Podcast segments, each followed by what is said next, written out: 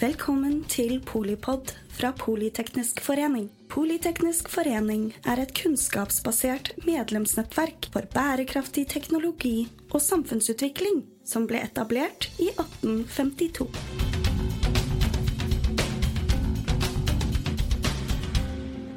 Velkommen til eh, Polipod eh, direkte inne fra julesamlingen i Politeknisk forening. Vi har hatt en uh, gjennomgang av, uh, jeg vil si, uh, noen relativt tunge temaer som, som både energikrise, krig, fremtidstrøbbel, men også mye positivt. Vi skal diskutere litt, litt fra hva vi har hørt, og litt med brillene, beredskapsbrillene på inn i året som kommer. Eh, vi har med oss eh, Kristin Mysja, som er eh, ekspedisjonssjef i Olje- og energidepartementet. Snart bare Energidepartementet. På klima, industri og teknologi. Vi har med oss Geir Hågen Karlsen, som er oberstløytnant og hovedlærer ved, for strategisk kommunikasjon ved Forsvarets høgskole.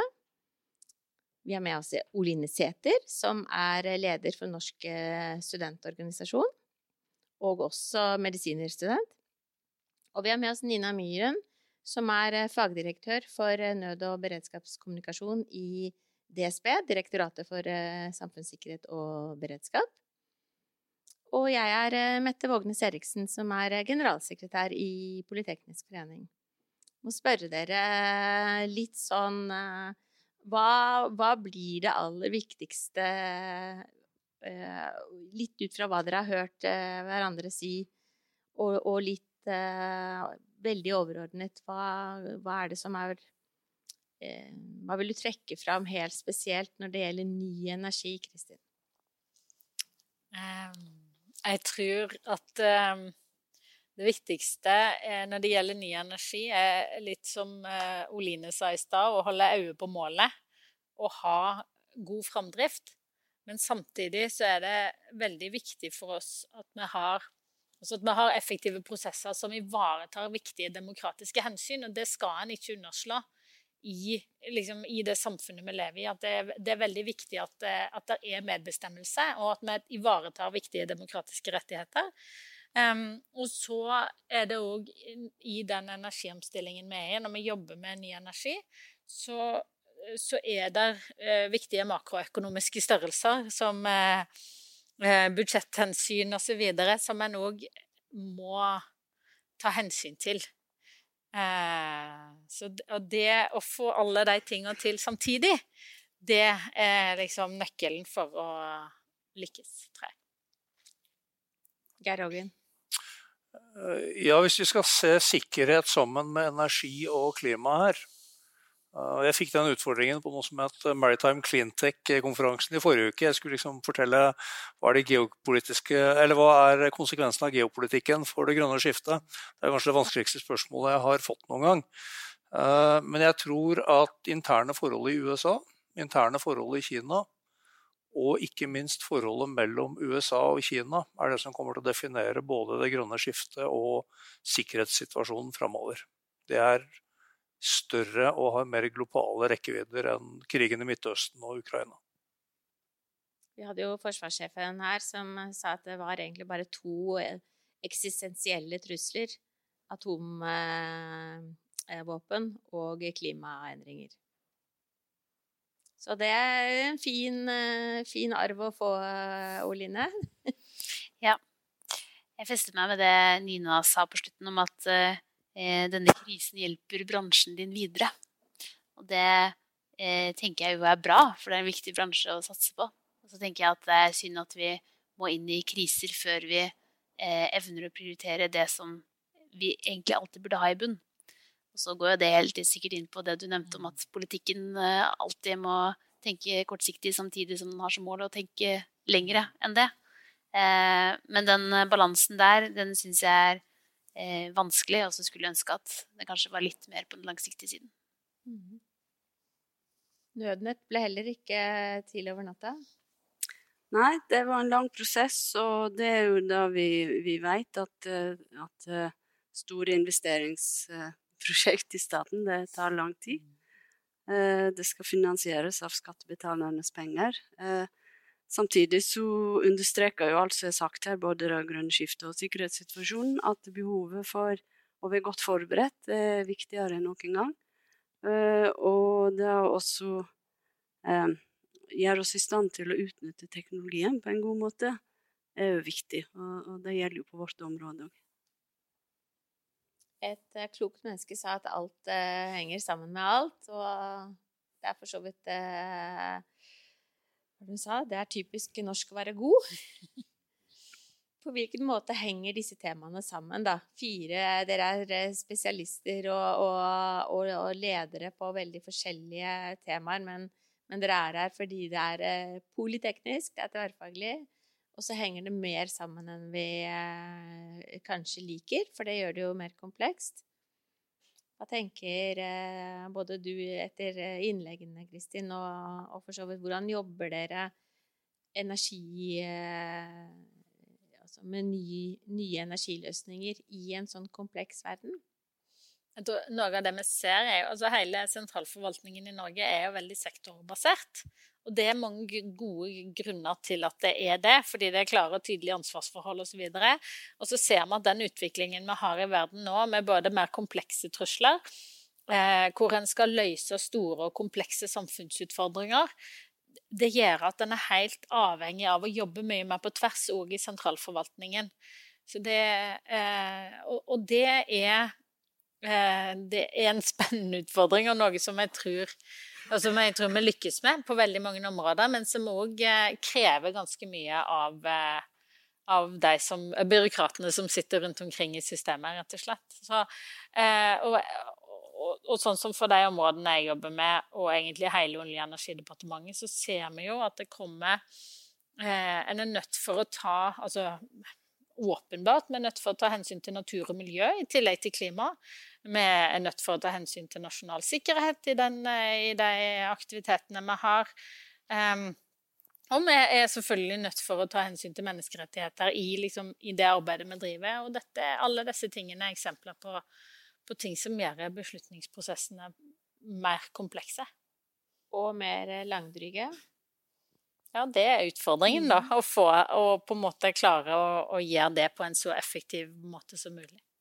Ser du at vi har eh, rask nok responstid, eh, Geir Hågen, på, på disse multikrise... På verdens store temaer? Nei, men jeg, jeg tror Kristin er inne på noe veldig viktig. Jeg starter med et sitat av eh, tidligere EU-topp Jean-Claude Juncker. Han sa at vi vet alle hva som må gjøres. Vi vet bare ikke hvordan vi skal bli gjenvalgt når vi har gjort det. Mm. Og det er den hårde mm. politiske realiteten her. ikke sant? Et uh, par ord om de store faktorene vi prater om. Uh, sikkerhet er jo sånn at når det blir viktig, så haster det veldig. Det er veldig umiddelbart. ikke sant? Du kan ikke velge å ignorere det når det blir krig eller veldig store trusler. Uh, og for de fleste, både politikere og folk, så blir det gjerne det viktigste. Um, og da blir andre ting mindre viktig. Sikkerhet er også veldig dyrt. En del av de tingene vi skal gjøre, forutsetter at vi faktisk har økonomi til det. Grønne skiftet krever at du har økonomi til å gjøre det. Uh, og hvis ikke, uh, hvis du tror at du kan ignorere det, gå tilbake til Jean-Claude Juncker. Uh, og det er økonomien til folk, når den blir dårlig, så blir det veldig viktig. Det går direkte på levestandard og osv. Så da, og da blir andre ting nedprioritert. Dette så vi jo veldig godt når vi, krigen starta og gassen ble borte fra Russland. Eh, tyskerne fyrer opp kullkraftverk. Det skal også sies at de investerte da desto mer i grønn energi, det er riktig. Mm. Men de fyrte opp kullkraftverkene, ikke sant. Kineserne de er jo verdensledende på alt som har med grønn eh, teknologi å gjøre. Men de bygger kullkraftverk hver dag. Og det er økonomisk gunstig for dem, for de har veldig mye kull. Men ikke minst så er de veldig opptatt av energisikkerhet, for de er avhengig av nå tilførsel av olje og gass fra utsette forsyningslinjer via Russland og, og, Midtøsten. ikke sant? Så man må få disse tingene til å henge sammen. Og, men det tidsperspektivet og hva som er viktig for folk, tror jeg ikke du skal ignorere. For det er fullt mulig å bli stemt ut ved første og beste valg. Det så vi jo nå i Nederland. De uh, grønne partiene der ble stemt veldig raskt ut, og tapte kanskje to tredeler av velgerne. Um, så dette her må, Jeg har jo ikke svaret på disse tingene, men man må faktisk forholde seg til en del av disse hårde realitetene også. Ja, og det skjer jo i land med veldig høyt utdanningsnivå, veldig høyt eh, eh leve, levestandard, veldig eh, god økonomi. Sånn at eh, eh, du, du, er jo selvfølgelig en representant for at kunnskap kurerer gruff, Oline. Men, men, det er jo mange eksempler på at utdan høy utdanning ikke nødvendigvis gir ja, langsiktige løsninger, da. Man skal være forsiktig med å peke på liksom, eh, katalysatorer og hvor ting startet eh, i verdenshistorien, fordi ting henger jo sammen. Men eh, jeg tenker at det var noe som startet etter en sånn tipping point med Ukraina-invasjonen. Jeg husker veldig godt Anniken Huitfeldt på radioen det var liksom dagen før kanskje, som sa at nå er det nå, nå skjer det noe her. Eh, og etter det så har vi jo sett hvordan dette puslespillet, eller ikke puslespillet, men dette nettverket som vi har vevd sammen av samarbeid, internasjonalt samarbeid, hvor vi lener oss på eh, energi fra andre naboland og eh, ja, utenlandskabler med eh, vår energi ut, og økonomien, hvordan den påvirkes av at våre naboland stabiliseres. Så tenker jeg at det er litt synd at vi skal på en måte kjenne det på kroppen først når det er Europa det treffer. Men, men det er jo noe veldig menneskelig da, i at når, det er først når det er nært, at vi oppfatter det som en, som en krise. Så Og da er det dette med krisepsykologi har jeg fått lære litt om på medisinstudiet. Og det er jo vi mennesker er veldig gode på å mobilisere når krisen kommer, når den føles nært og det er nytt. På kort sikt så er vi gode, og så på lang sikt så er vi også utrolig gode på å bli vant til det som eh, har skjedd. Da. Og så har vi også en veldig stor tro på at eh, ting, ting, går seg jo til. Det er som jeg sa, jeg har tro på fremtiden. Eh, om jeg burde det, er noe annet, fordi verden går jo opp og ned. Og det kan godt hende at vi er på vei nedover nå. Men det å da eh, huske litt tilbake til da man opplevde krisen som nært, og huske at det er fortsatt nå vi må mobilisere, eh, og på en måte vekke tilbake den følelsen samtidig som man ikke lar krisen ta overhånd, det tenker jeg også er viktig. Så det er vel eh, komplekse spørsmål eh, vi stiller her, og komplekse svar, men et eller annet sted mellom å holde fokus på det som er nært, samtidig som vi fester blikket framover, det er kanskje ja, en betraktning, om ikke et svar. Vi hadde jo en eh, svært bra respons på covid. Og, eh, og det gjaldt jo både nasjonalt og internasjonalt. Eh, så jeg, jeg, er jo bare en skarve økonom, men jeg, men jeg, forstår jo den logikken at når noe truer deg eh, brått og din egen helse, så, så vi evner jo som menneskehet. Det må vi jo uh, tro. Mm. Men det samme med økonomien, ikke sant. Økonomien er jo nært. Folk kjenner at det å kjøpe mat neste dag kan bli vanskelig. Da er det en krise som tar overhånd for alle de andre krisene. Så psykologien der òg. Hvor mye psykologi er det i et nødnett? da? Er det bare hardcore eh, teknologi, eller? Nei, det er veldig, iallfall veldig mye kultur mm. i et nødnett. Uh, og, uh, og jeg er jo kanskje blant de som liker å si at nettet det er, jo, det er jo alle de som samarbeider.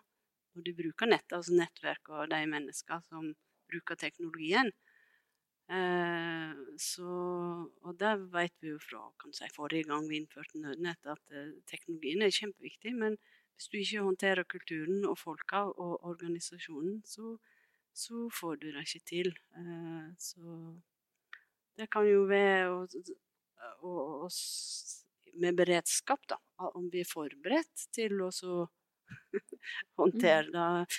Er vi forberedt til å håndtere vår egen personlige beredskap. DSB har jo kjørt egenberedskapskampanjen.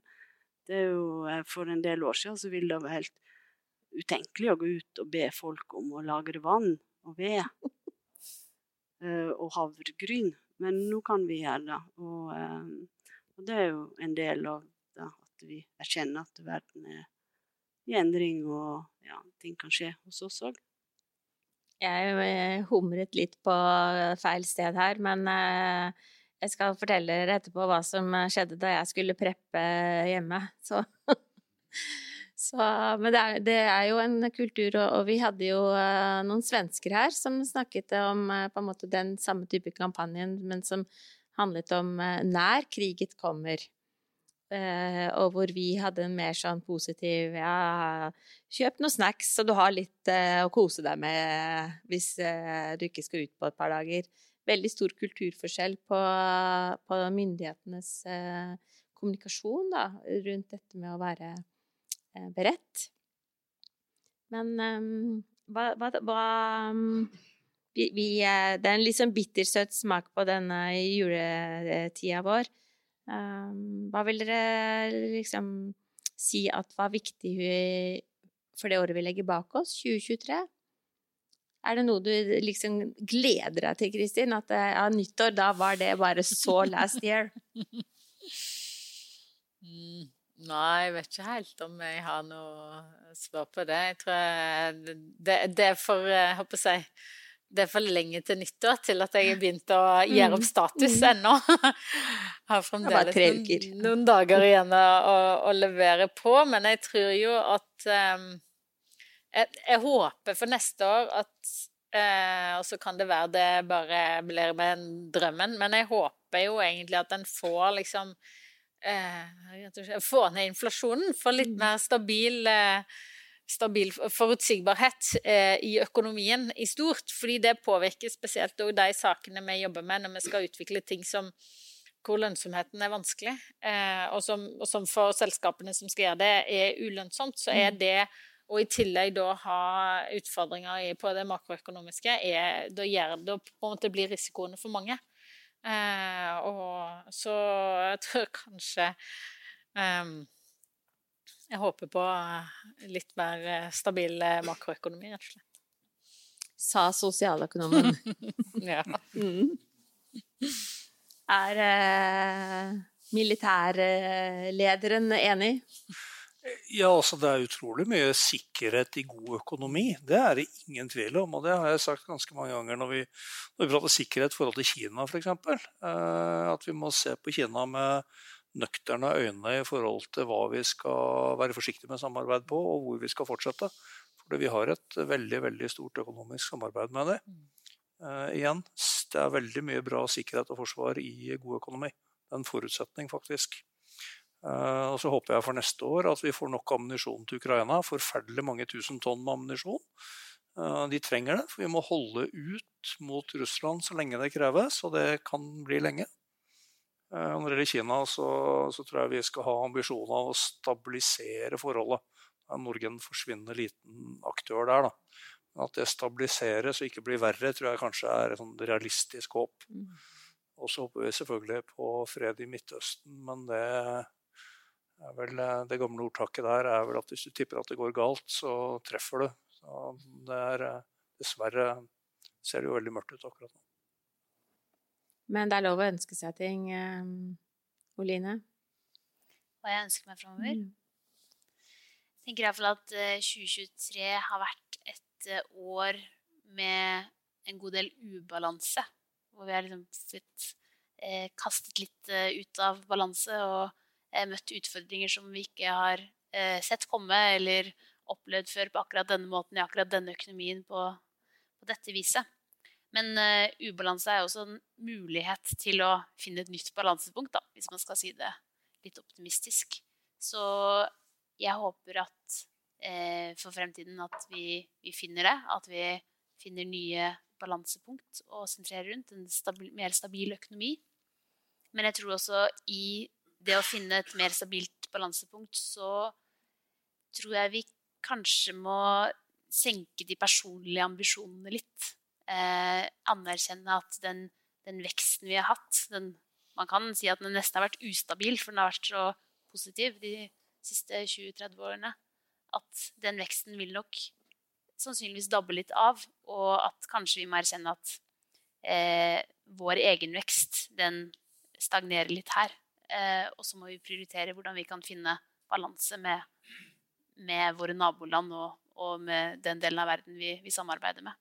Eh, fordi jeg tror hvis vi skal ha begge deler, så kan det bli vanskelig å finne balanse.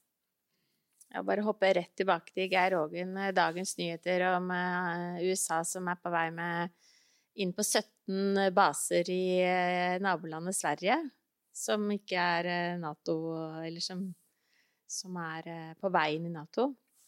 Ja, jeg tror nok Sverige blir Nato-medlem om ikke altfor lenge. Jeg var på et foredrag, eller holdt foredrag sammen med Carl Bildt, tidligere toppolitiker i Sverige som alle sikkert har hørt om. Og som han sier, i historisk perspektiv så er det ikke så mange som bryr seg om ja, disse månedene eller år som det nå har blitt. da. Og så er det veldig bra for Norge og for Norden at alle blir Nato-medlemmer. Og så er USA vår uh, garantist militært og politisk og på andre måter. Og da må vi kunne slippe det til det her. Det, og det de gjør i Sverige, er jo egentlig bare sånn tekniske, praktiske og juridiske tiltak for at amerikanere kan komme dit. Det er mengde sånne tollregler og lange lister med sånne byråkratiske hindringer som man da kvitter seg med, som er på plass i Nato. Som de da ordner. Så det er bra. Det er fint for oss, fint for svenskene. Heldigvis, får vi nesten si, så nevnte jo du noen av de samme landene, Nina. Ja, vi eh, Hvis jeg skal tenke framover mot 24, eh, så, så tenker jeg at vi må fortsette det gode samarbeidet vi har. Eh, vi På mitt område så jobber vi veldig tett sammen med, med Sverige og Finland spesielt. Vi kjenner hverandre godt. Og, og, det at de nå er å bli medlem i Nato, har jo, har bidratt til at de er enda mer interessert i den type samarbeid. Eh, det samme gjelder Europa. Vi ser at man, eh, man holder på å samle seg, da. Eh, så det, det tenker jeg for er viktig at man, at man har disse her samarbeidsarenaene på, på, alle fagområder, egentlig. Og at, at man møtes, og at man òg faktisk tar seg tid til å, å, dra og besøke hverandre, selv om man må fly. eh, og så tenker jeg eh, at vi skal gjøre det samme i vårt eget land. At vi skal bli enda flinkere til å, å bryte ned barrierene mellom sektorene og på, på vårt område. Eh, vi har jo tett samarbeid med, med, Forsvaret, men ikke så tett at vi deler, deler alt. Og vi deler iallfall ikke, ikke pengene. så, så det, det, er noe det, det er noe å forbedre seg på det her, da. Hvis alle ønsker seg dette til jul, så det, det lover jo svært bra.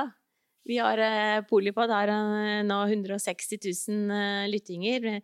160 000 som ønsker seg fred på jord og, og kloke beslutninger og deling av, av, kunnskap. Det må jo monne. Og et nytt balansepunkt med mer ammunisjon til Ukraina. Det er vi også enig i. Supert. Tusen takk til dere alle for å holde landet vårt i gang, rett og slett. Eh, dere bidrar til å sikre fred og frihet og demokrati på hver deres måte. Men det, vi, det er vi veldig glade for og takknemlige for at dere gjør 24-7 med deres kollegaer. Takk også til deg som hører på Polipod. Eh, da har du fått noen gode gavetips eh, til jul. Så med det på gjenhør. For at du lyttet til Polipod fra Politeknisk forening. Få med deg flere episoder, eller bli med på nettverksmøtene, som du finner ved å søke at polyteknisk, eller gå på vår hjemmeside polyteknisk.no.